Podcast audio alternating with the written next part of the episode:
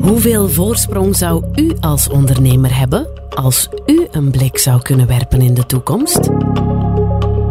Maar ik denk dat de luisteraars eigenlijk de toekomst al wat meegemaakt hebben. Als je mij vraagt binnen, binnen 100 jaar. Ik denk dat wij nog niet eh, tevreden kunnen zijn met waar we nu staan. Dus dat is een grote uitdaging naar de toekomst toe. Dat is niet Big Brother. De tijd vooruit.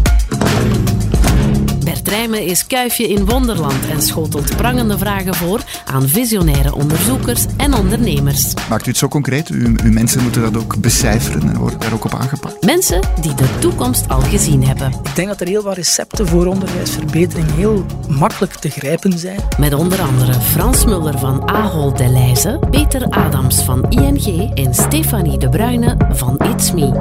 Ontdek een nieuw seizoen van De Tijd Vooruit. Vanaf 8 februari.